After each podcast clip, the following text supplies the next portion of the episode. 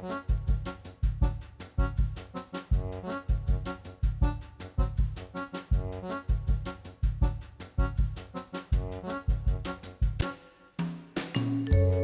og sæl og velkomin í mannlega þáttin. Í dag er mánudagur og það er 13. mars. Já, það var einmitt á þessum degi 1983 að samtökum kvennalista voru stopnuð og eh, við vísum að sjálfsögðu í eh, þættin en að Þórhildar Ólafsdóttur, samstöðuna, samstæðan, kvennaframbóð og kvennalisti og það eru þrýr þættir inn á spilaranum okkar.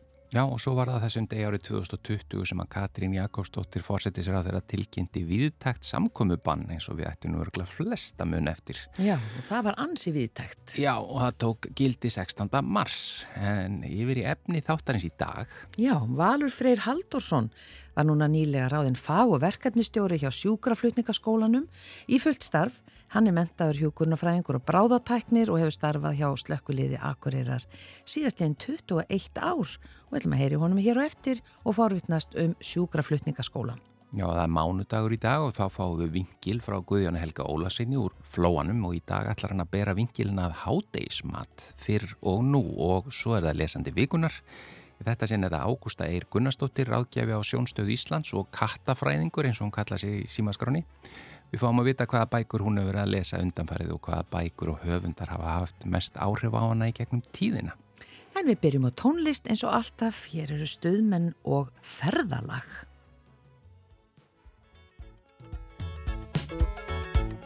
Í borginni við Eirasund við fléttum okkur sigur sveig.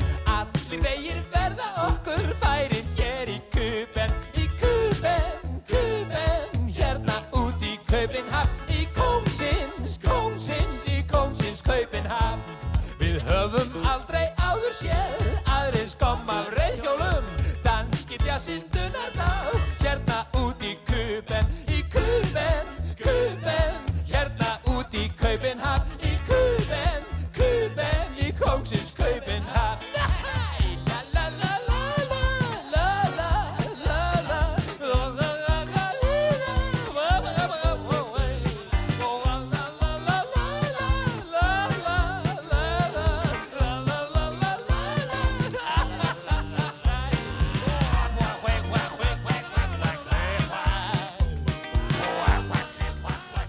Já, þetta lag munaðu þetta flestir eftir úr með allt á hreinu. Þetta eru stuðmenn og lagið ferðalag eftir Jakob Fríman Magnússon, Gunnar B. Jónsson og Tómas M.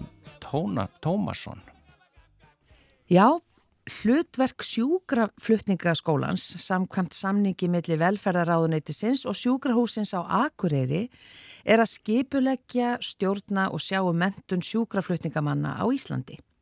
Valufreyr Haldursson var núna nýlega ráðinn fag- og verkefnistjóri hjá sjúkraflutningaskólanum í fullt starf en hann er mentaður hjúkunafræðingur og bráðatæknir og hefur starfað hjá slökkuliði Akureyra síðastliðin 21 ár.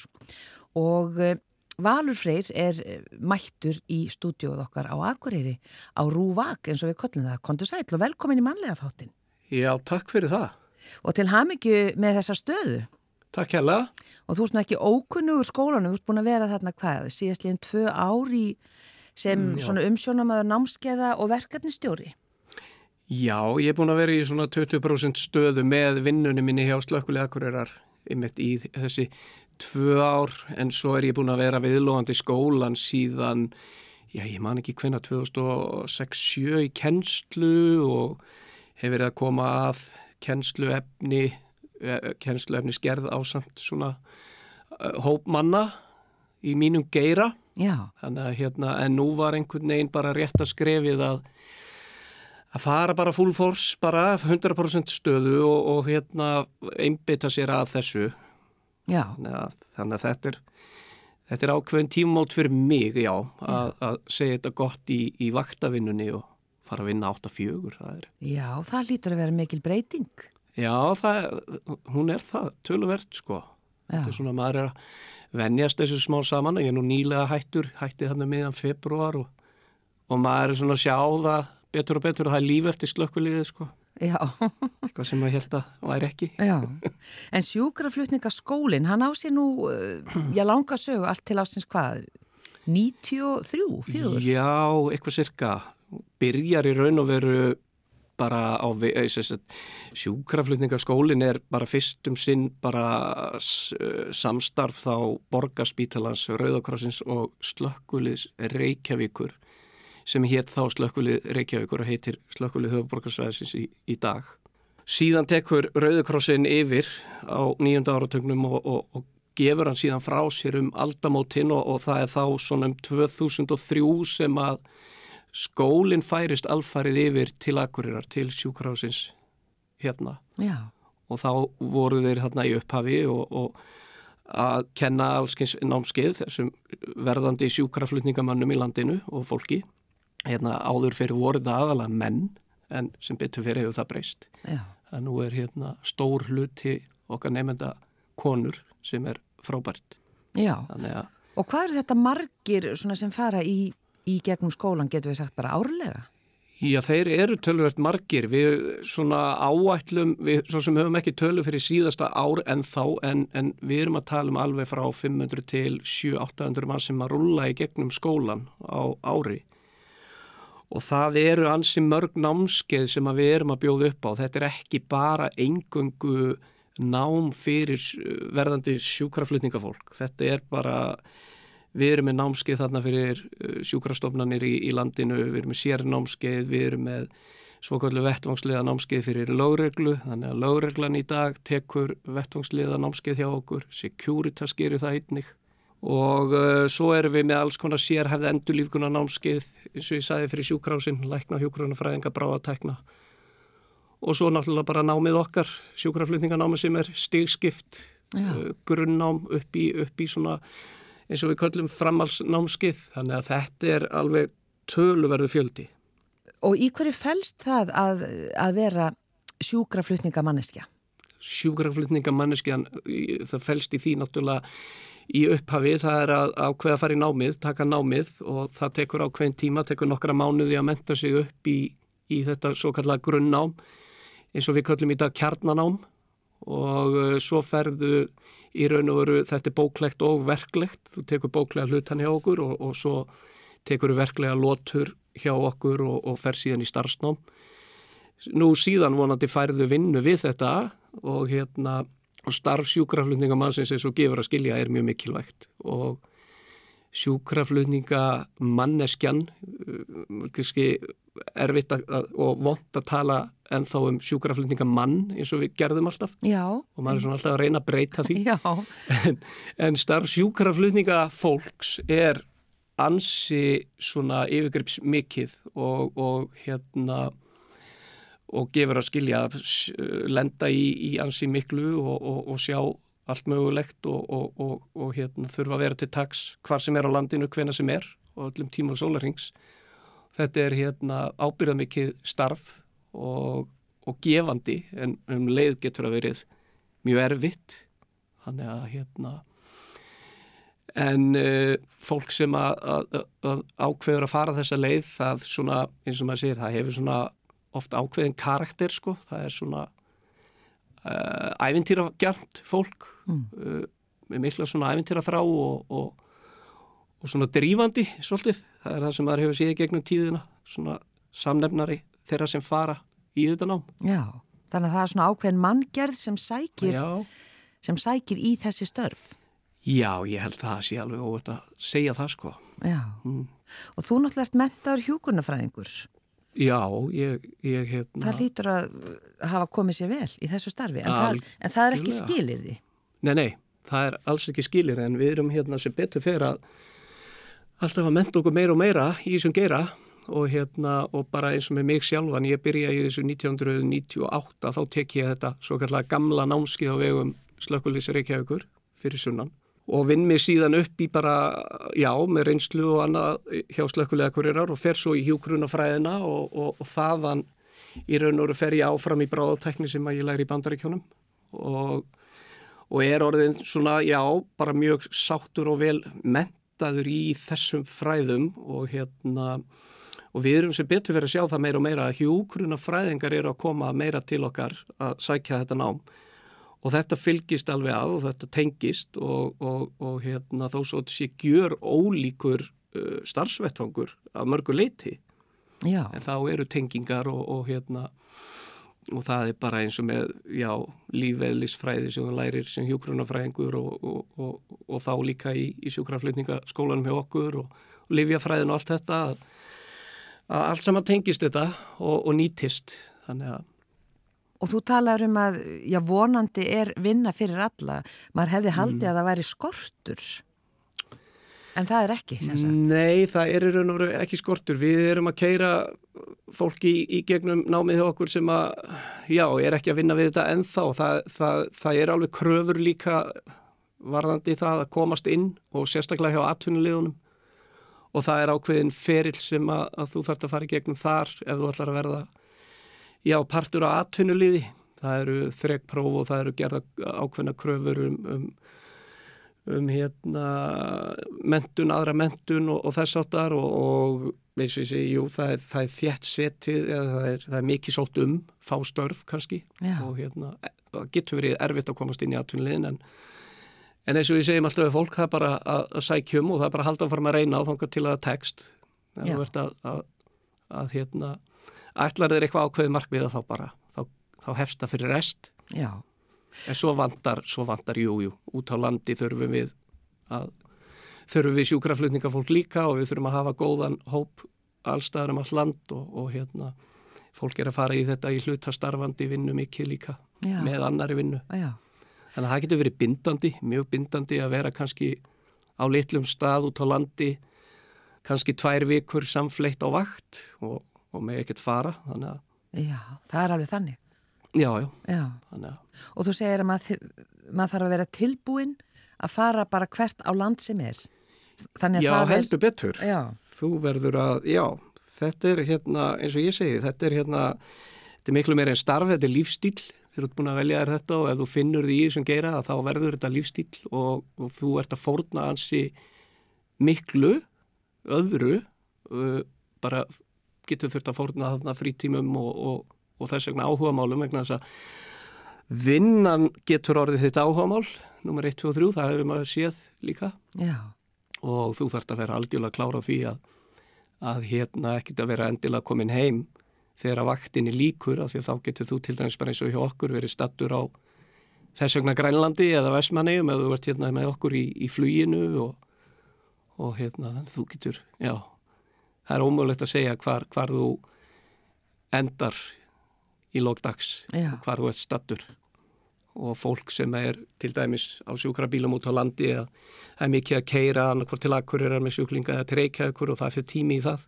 fyrir langu tími í það. Já, þannig að þú veit kannski að vakna klukkan tvö nóttu til verandi einhver staðar uh, Ólasvík eða einhver staðar þar og eða, eða Húsavík hvar sem þú ert og, og þá fer þá fer öll nóttin í þetta og, og, og fram á morgun og þá þarf vinnu veitandiðin að hafa skilning á því hinn sem þú vinnur hjá þína fast, fastu vinnu sko að hérna, þú kannski mætir ekki alveg klukkan átta í vinnuna sem er þín 100% vinna já. þannig að þú ert, já Og það er- getur verið púsl Já, það getur verið púsl og, Já, já. og einmitt mikilvægt að hafa skilning hins vinnuveitandans á þessu Já, starfi. heldur betur, heldur betur. Já, en nú ertu búin að starfa við þetta í 21 ár hjá slökkuliði Akureyrar og örgla marga fjöruna sopið í, Já. í þessum bransa. Hvað, hvað gerir maður svona til þess að, um, já, hugsa vel um andljúliðina sem hlýtur að vera mjög mikilvægt og, og við höfum séð bara síðustu ára er mjög mikilvægt að hugsa um að því fólk getur verið að bera með sér alls konar lífsreynslu úr svona starfi bara í gegnum Já. lífið. Og svo betur fyrir það nú að, að þessi umræð er að opnast heil mikið varandi þessi andlegu málefni okkar Já. og andlega líðan að byrja ekki allt inni eins og var gert hérna áður fyrir sko. En það er bara að við höfum okkar ákveðna uh, ferla og, og þannig hjá okkur slökkuliðin og akkurirun og eins og ég bara tala fyrir sjálfa mig að, að vaktinnar tala saman. Uh, við höfum aðgengi að sálfræðingum ef við þurfum á þeim að halda. Við þurfum að vera í góðu líkamlegu formi og það skila sér upp í höfuðið oftast nær hjá okkur flestum. Já, Þannig að hérna að halda okkur við uh, með líkansrækt og nú sumir bara hugleiða og stunda jóka og, og hérna en, en þetta kemur alltaf reglulega upp að, að við svona sungun svolítið niður en þá er, þá er mjög gott að hafa félaga líka bara til að grípa sig sko.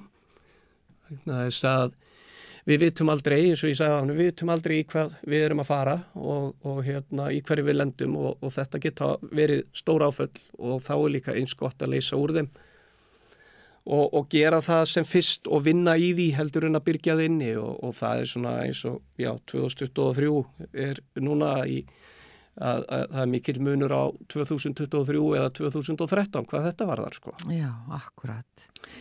Og nú ert þú að hvaðja slökkulið akkurirar já, eftir 21 ár svona, mm. og ert komin í nýju fjögur já. vinnuna en ert já. náttúrulega að þjálfa upp fólk. Svona, hvað væri eða svona, hvað ráðlegur þú þessu fólki sem er að stíga sinn fyrstu skref í sjúkraflutningaskólanum, þú með alla þessa reynslu á bakinu? Eitthvað sem kannski þú hefði vilja vita þegar þú byrjaðir?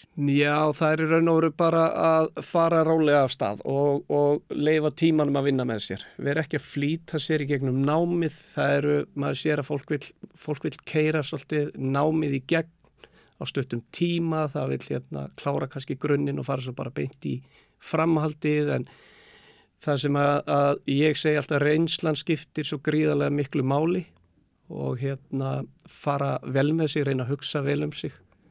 Og ég hef alveg mistíðið mig þar uh, í gegnum árin í upphafi að hugsa ekki nógu vel um mig og það kemur í bakkjá manni. En um leiðum að það fattar þetta að, að, að, hérna, að fara valega að reyna að sofa vel og borða og hugsa vel um sig að þá farnast þér vel og, og einmitt að huga andleiri líðan. Það er bara nummer 1, 2 og 3 og leifa tímanum að vinna með þér og ætlar að starfa við þetta vegna að, að, að, að þú læri svo margt á reynslunni. Það er svona þessi helstu ráð kannski. Já. Mm. Valur Freyr Haldursson e, nýlega ráðinn fag- og verkefnustjóri hjá sjúkraflutningaskólanum í fullt starf. Bara kæra þakki fyrir spjallið og að gefa okkur svona einsinn inn í hlutverk þessa skóla og, og, hérna, og gangi ykkur vel. Takk kærlega fyrir það Hvað býður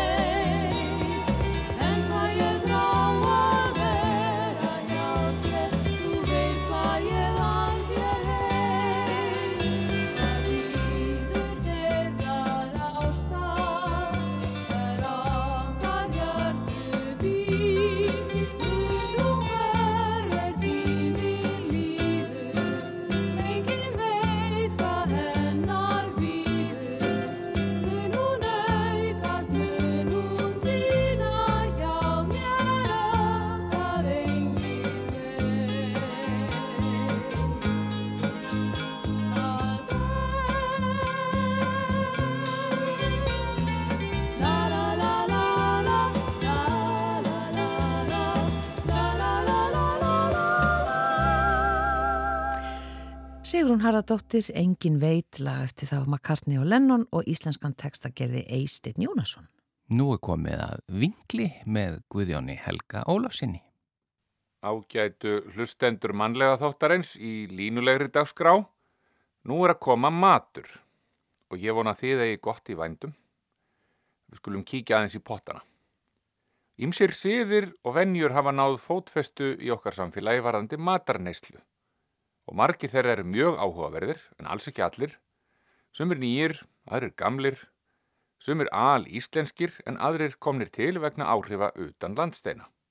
Nú er mjög líklegt að ég setjist í dómarasæti og gerist yfirlýsingaglaður varandi matarhefðir og menningu annara. Mér hættir til þess en e, þið þurfum ekkit endilega að taka marka á svo leiðis rausi. Gerir bara það sem ykkur sínist. Á meðan þessi litli pistill var í smíðum matlaði matur í potti hérna hjá mér. Réttur sem mögulega gæti flokkast sem þjóðlegur.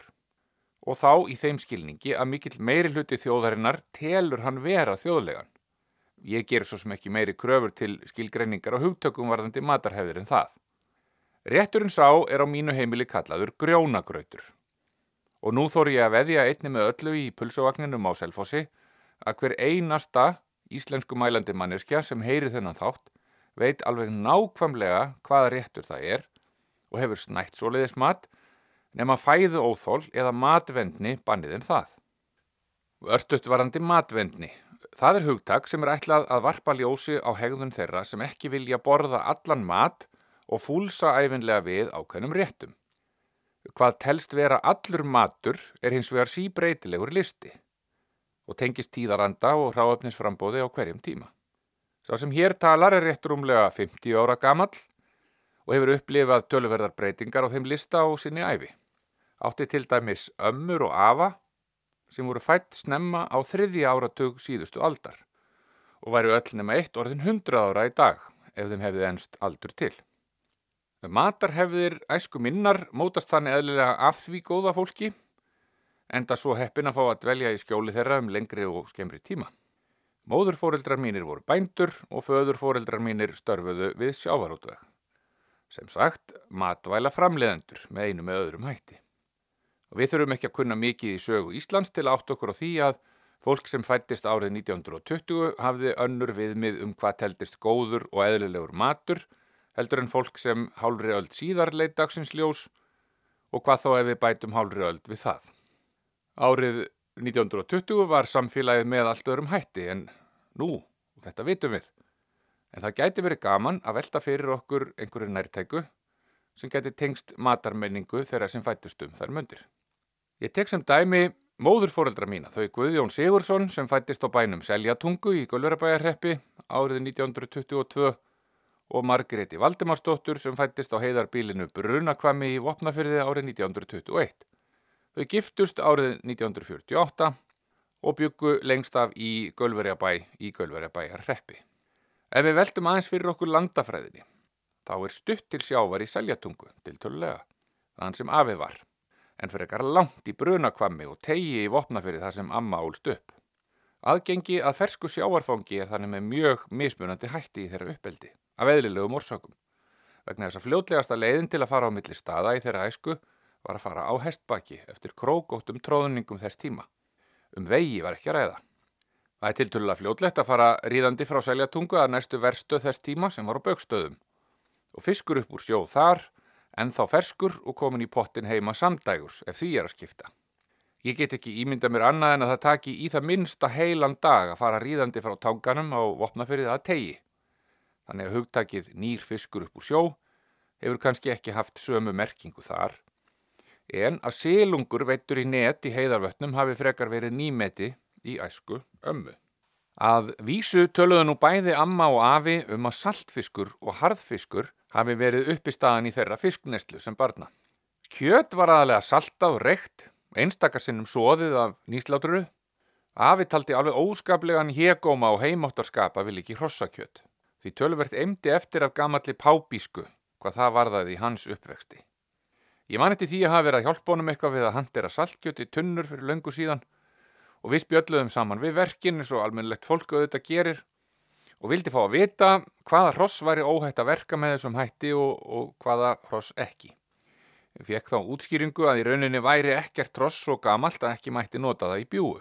Sá gamli reyndast nýri undan og ég sá ekki hvort hann glotti eitthvað að mér en ég hef haft þetta fyrir satt æg síðan. Amma var vönði að borða fugglakjött en afi ekki og kannski útskýrir landafræðin þann menningar mun að einhverju leiti en afi sagðist alveg lifaða af að sleppa því alveg og gaf sér ekki að því að óþörfu. Mjölvara gatt verið töluverður hluti af mataræði þeirra sem fættir voru í upphafi 20. aldar og þau ólust bæði upp við flatbrauð, bökuð á hlóðum Seitt rúbrauð, auk ímiskonar grauta sem sonir voru upp úr vatni eða mjölk eftir því sem efni stóðu til. Það er sennilega ekkit að marka mig sem álitskjafa og matgæðing því ég var og er handviss um að enginn gæti búið til eins góðan mat og amma í bæ og fæ enn vatn í munnin við að rifja upp hennar afreg á sviði matreyslu því fáum við aldrei til að víkja frá þeirri skoðun. Þegar ég var pjakkur týðkaðist enn að borða eftir mat og amma fóruð þetta fremst í flokki eftir matar gerðar fólks. Ég hef sjálfsagt borðað meira en ég þurfti í gegnum tíðina af rabarbara graud, sæt súpu, skýr súpu, ábristu með kanilsíkri og þeim rétti sem mallar hérna á spansuðu hellinu fyrir aftan mig, grjónagraut. Nú er hins vegar svo komið fyrir mér að ég yrði eins og neflaus nákvælur ef ég ætti að borða eftir mat til viðbótar við allt annað alla daga. Grjónagrauturinn verður því einni rétta í dag og er svoðin úr mjölk sem er komin nokkra daga fram yfir síðasta söludag í mestalagi viku, en alveg í lagi rísgrjónum, smjörklípu og nokkrum saltkornum, aug vaniludrópa. Ég vil sjóða rúsínur í mínum graut, annað er gikksáttur, Jón Þórisson velvirki í hveragerði og stórvinnu minn er á sama máli og við bara getum ekki tekið þátt í svo leiðis. Sumir segjast ekki kunna að sjóða grjónagraut, að hann brenn alltaf við og klúðurist eitthvað, en þá er bara að gera betur næst, lækka hitan, lengja tíman og hræra oftar, alls ekki að gefast upp. Nú er orðið svo stutt í hádegið að ég treysti mér ekki til að tala mikið um kaffibröðunar ömmu að þess að líði yfir mig, en betri kleinur, ástarpunga, flatkökur og Já, allt hitt hef ég bara aldrei fengið. Ég segi ykkur alveg satt og vil alls ekki móðga neitt. Og síst af öllum, konuna mína sem allt leikur í höndum á. En hún skilur líka að eigi maður minningar af slíku kaliberi er ekki hægt að segja neitt, nema að mikil synd skuli það nú vera að þær hafi ekki heist. Ykkur að segja brakkaðist ég ágætlega þó að amma hafi þurft að hætta að gefa mér að borða fyrir 40 árum síðan, einlega ofvel. En það er efni í annan vingil og nú er sagan að endurtaka sig að einhverju leiti því fyrir 8-10 árum hóf amma í Gölverabæ nám í húsmaðuraskólanum í Reykjavík og í haust ætlar hún Solveig Liljadóttir mín að feta sömu slóð. Ég vona hún leifi sínum föður að njóta þess eitthvað en einblíni ekki á helsubótarfæði sem ég hef þó hefðið mögulega gott af en til gamans þá sótti ég eintak ömmu gretu af bókinni Matur og drikkur eftir Helgu Sigurðardóttur upp í hillu prentaði Ísafoldar prentsmiðju árið 1947. Ég hef þessa bók til varveslu. Hún var orðin bísna lúin á mikill í nótkunn en denni frændi minn lagaði hann alla til og batt inn að nýju fyrir nokkrum árum og lofar verkið meistaran. Í dag er mánudagur og fyrsta uppskrift bókarinnar sem byrjar á M er af magál og ég byrð ykkur vel að njóta tilvittnun hefst. Góður magál er af sögðum eða fullornum kindum Helst skal taka magálinn af áður en rist er á kveðin, svo hann verði sem kringlóttastur. Sé að kjötuð rýrt verður að pressa saman magála af tveimur skeppnum. Einnig má nota venjulega huppa, en þeir verða að vera æfinlega kantaðir. Hupparnir eru látnir í sjóðandi vatn með salti og sóðinir í 20 mínútur. Þá eru þeir teknir upp úr og svoðið látið síga af þeim. Fínu salti stráð í ílát og ofan á huppana. Létt farg látið ofan á svo að þeir pressist saman. Eftir einn til tvo daga er bref saumað utanum magálinn þannig að það sé opið að neðan. Rektir á sama hátt og hangikjött borðaðir með laufabrauði á jólunum. Tilvittnum líkur og nú er ég orðin verulega svangur og get bara ekki tala lengur við ykkur. Góðar stundir.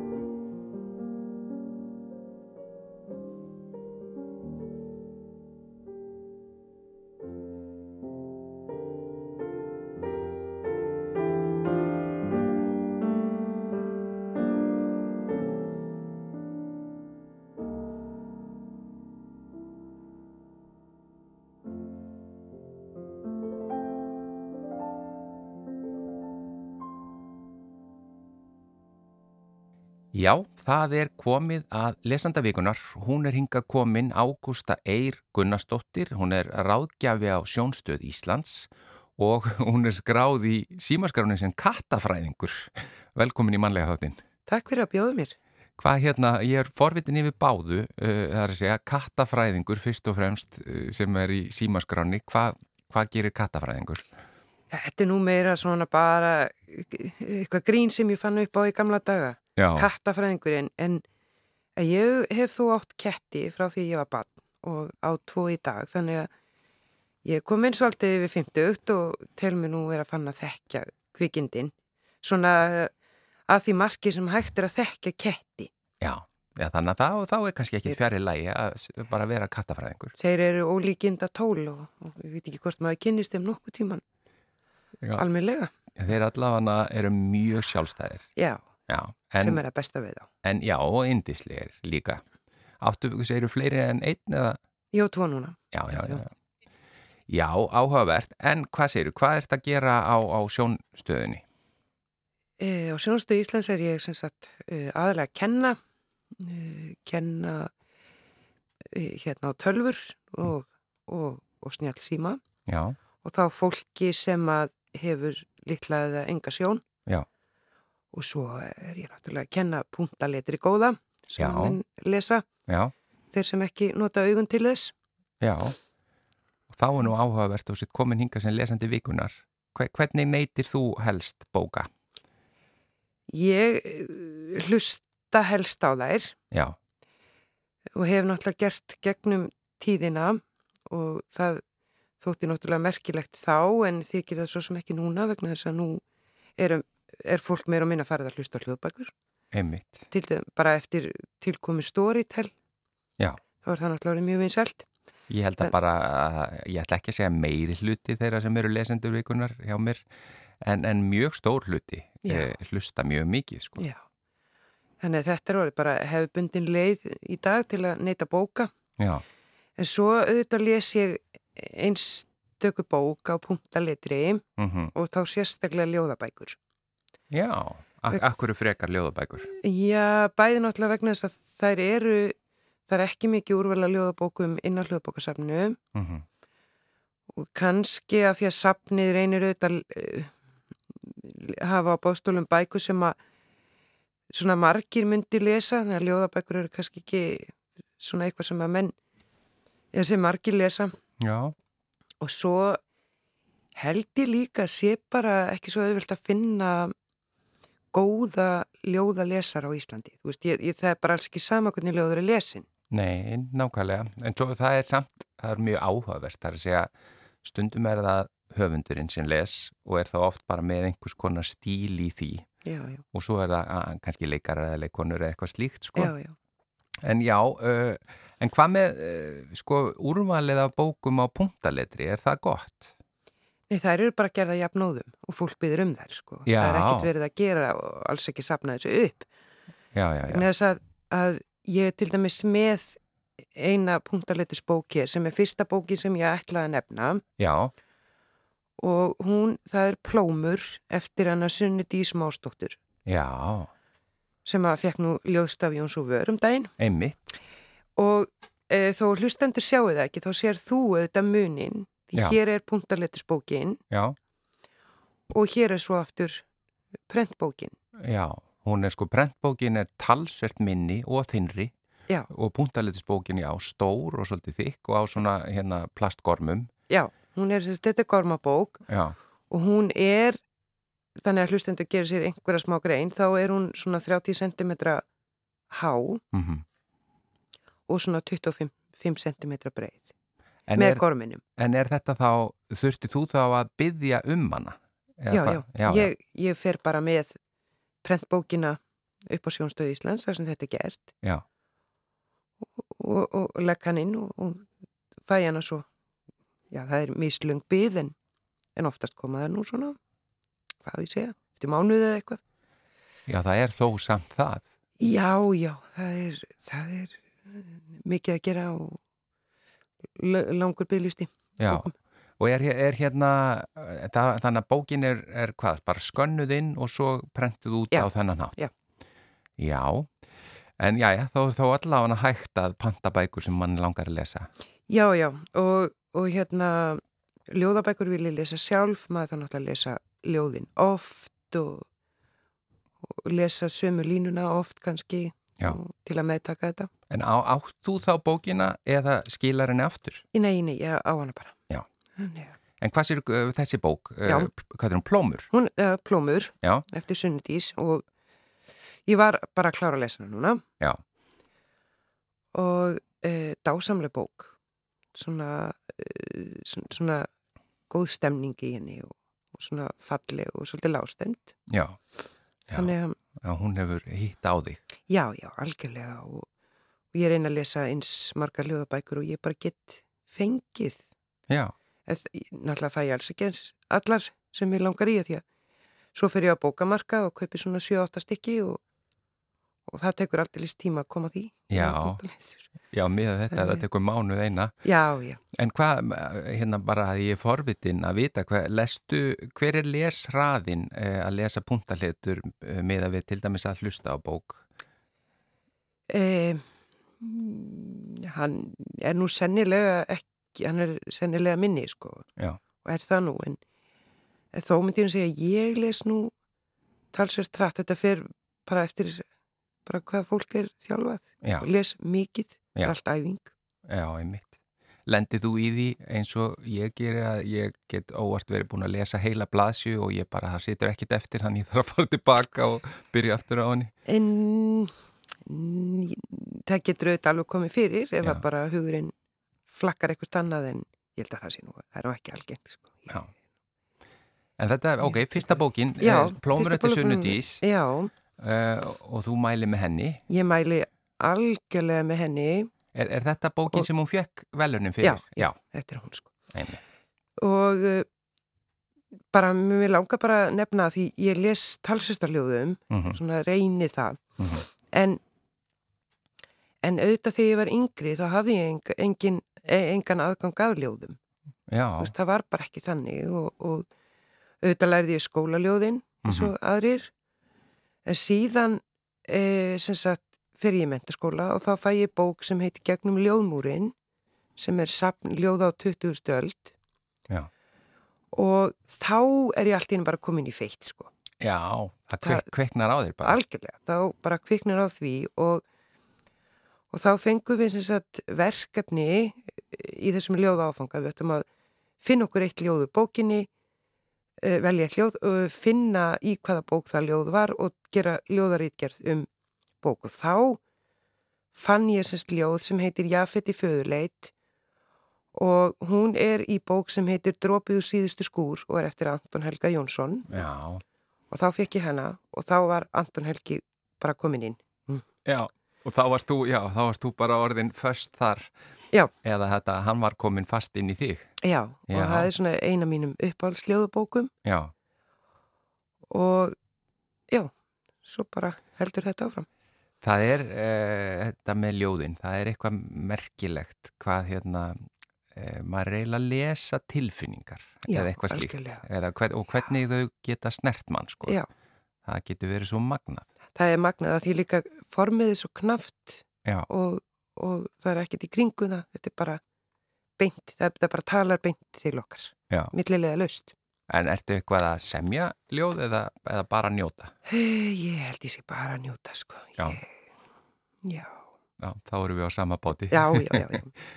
En hvað, ertu En- með einhverja aðra bók sem þið Já, langar og svo náttúrulega það er þessi tími, sko, það er þessi ástími, þá er maður auðvitað bara í jólabókunum. Já, já, já, Maður er ennþá, sko, að synda í, í því flóði. já, Því þetta er náttúrulega svakalega mikil útgáfa og Já. marga bækur. Þannig ég er búin að lesa talsvert af jólabókum mhm, og e, það kemur bara upp í hugan eins og guli kapáturinn eftir hann eh, Jón Kalman. já, Ég er nýbúið með, með hana. já, hitti hún þig Já, algjörlega eins og Jón Kalman gerir alltaf sko.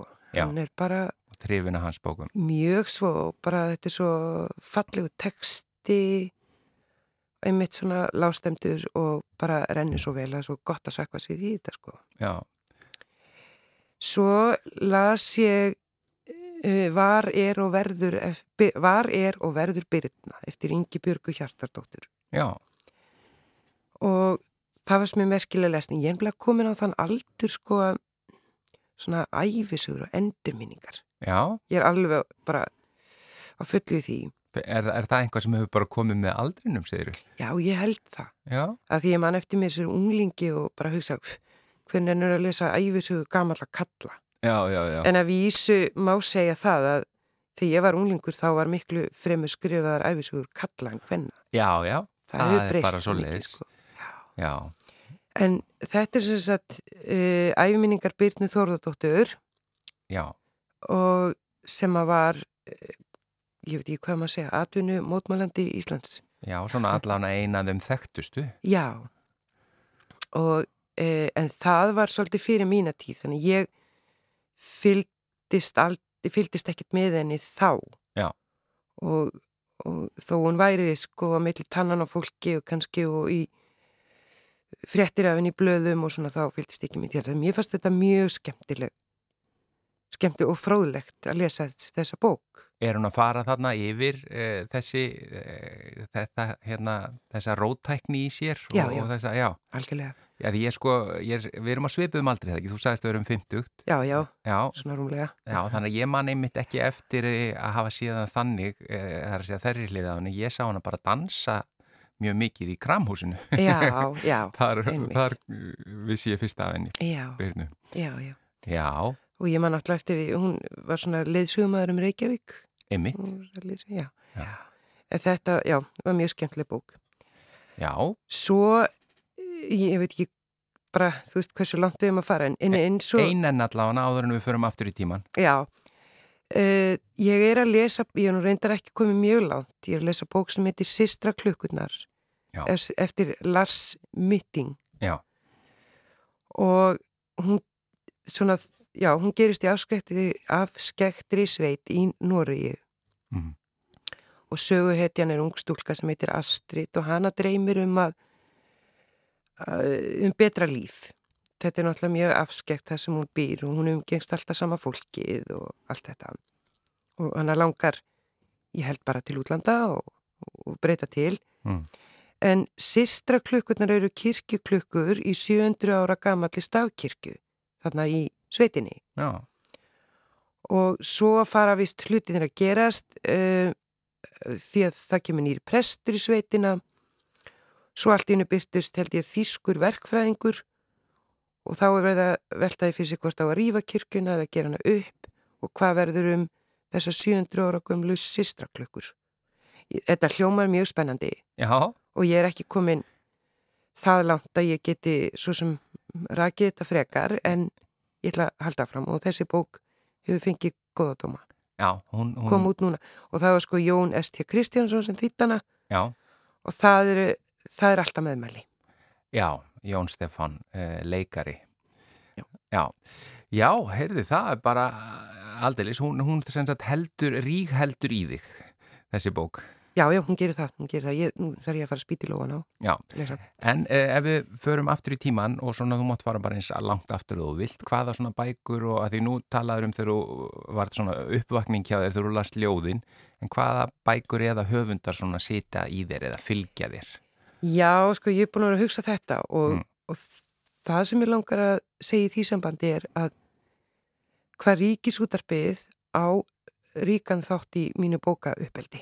Já, Það er ekki spurning, sko. Rás 1. já, Sem að var þá ekkert nefnd rás 1 að því að í mínni bensku var bara ein rás. já, já það var bara útvarpið Já. Og hérna af því að þá, þá var svo mikið að sögum í útarpinu. Ég hefði ekki mikið aðganga bókum þegar ég var bann. já, Eh, ég man eftir að hafa lesið Jón Ótt og Jón Bjarnar mhm uh, einhverjar öttubækur og uh, hérna og punktu punktu komastrik og þar með bara held ég þessi upptalið. Já, góðar bækur enga síður. já, já, algjörlega. En, en það var, að því þá var, hljó, var hljóðbókasafnið bara á sínum sí- bara í sinni frum bensku eins og ég. Já, og það var ekki mikið til að batna bókum já, þannig að, og þá sko voru lesna sögur í útarpið þú veist, það var morgunsaga batnana já, klukkar um lenju svo var miðdegisagan, svo að tímabili voru lesna síðdegisögur Já, og svo kvöldsagan. og þá var ekkert net, þú þurfti bara að sita á þessum Já. tíma fyrir framann útvarpið. Já. Þannig að það hefur verið hátíleg stund. Það, það var það sko og e, ég reynda gætt voða sjaldan hlustað á morgusögu batnana því ég var alltaf í skólanum Mhm. nema á sumrin Já, og þá náttúrulega bara lagðist ég við það og ég man sérstaklega eftir uh, því þegar að Helgi Guðmundsson ríthöfundur og, og hérna rítstjóri og uh, verkalýsfrömmur já, mest á Akureyri held ég þegar hann las uh, bækur sem heita Markus já. og þetta, þessa bækur, þetta eru þrjár bækur, þær komur reyndar út síðar, þær kom ekki út fyrir en upp úr 90, en hann var að lesa þetta svona 84-5. Uh, fjall, þessa bækur fjalla um prakkara köttin Markus Aurelius Mhm. og ævintýri hans. Þannig að ég man sérstaklega eftir þeim bókum og þannig ég, og ég hlustaði með mikill andakt, á þær Já, Svo man ég eh, sérstaklega vel eftir bók eftir J.M. Coetzee sem að Sigurlína Davíðsdóttir þýtti og las í útarpið sem miðdegi sögu og þessi J.M. Coetzee er markverðlegaður Nobelshöfundur já, uh, og bókin eh, hún, las, hún þýtt hana og las hana en svo var þessi þýning endurskoðuð og kom núna út árið 2020 í brentformi og heitir þá beðið eftir barberónum. já. Ég hef reyndar ekki lesið það, Þessa nýju útgáfu. nei, en, en hún sem sagt fjallar í um, dómara sem hefur í áratugi stjórnað svona litlum bæ Já. á landamærum heimsveldis af því þetta er af því að e, við erum að tala um einhvers konar heimsveldi Mm og svo fréttist af því að einhverjir e, barbarar eru á leið að land, að múrum e, bæreins Já. og þá grýpa e, stjórnendur heimsveldisins til sinna ráða. Því að þetta ekki að hleypa þessu fólki inn og, og komi veg fyrir það.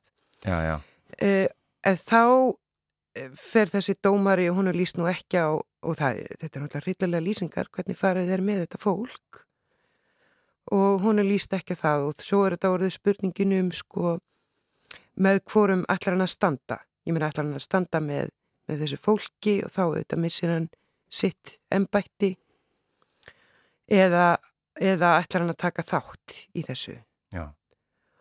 og þá þarf hann að takast á við bara sitt siðferði og fýstnir og því að allt fléttast þetta nú saman. Já, En ég man sérstaklega eftir þessu. Já, þetta er hérna, þetta kallast nú á við ímislegt í, í nútímanum. Já, algjörlega. En Ágústa Eir Gunnarsdóttir, þakkaði kjærlega fyrir að vera lesandi vikunar í mannlega þættinum í þetta sinn. Takk fyrir mig. Þá er þættinum bara lokið í dag. Við þökkum innilega fyrir samfélgin og verðum mér auðvitað aftur á sama tíma á morgun. Veriði sæl.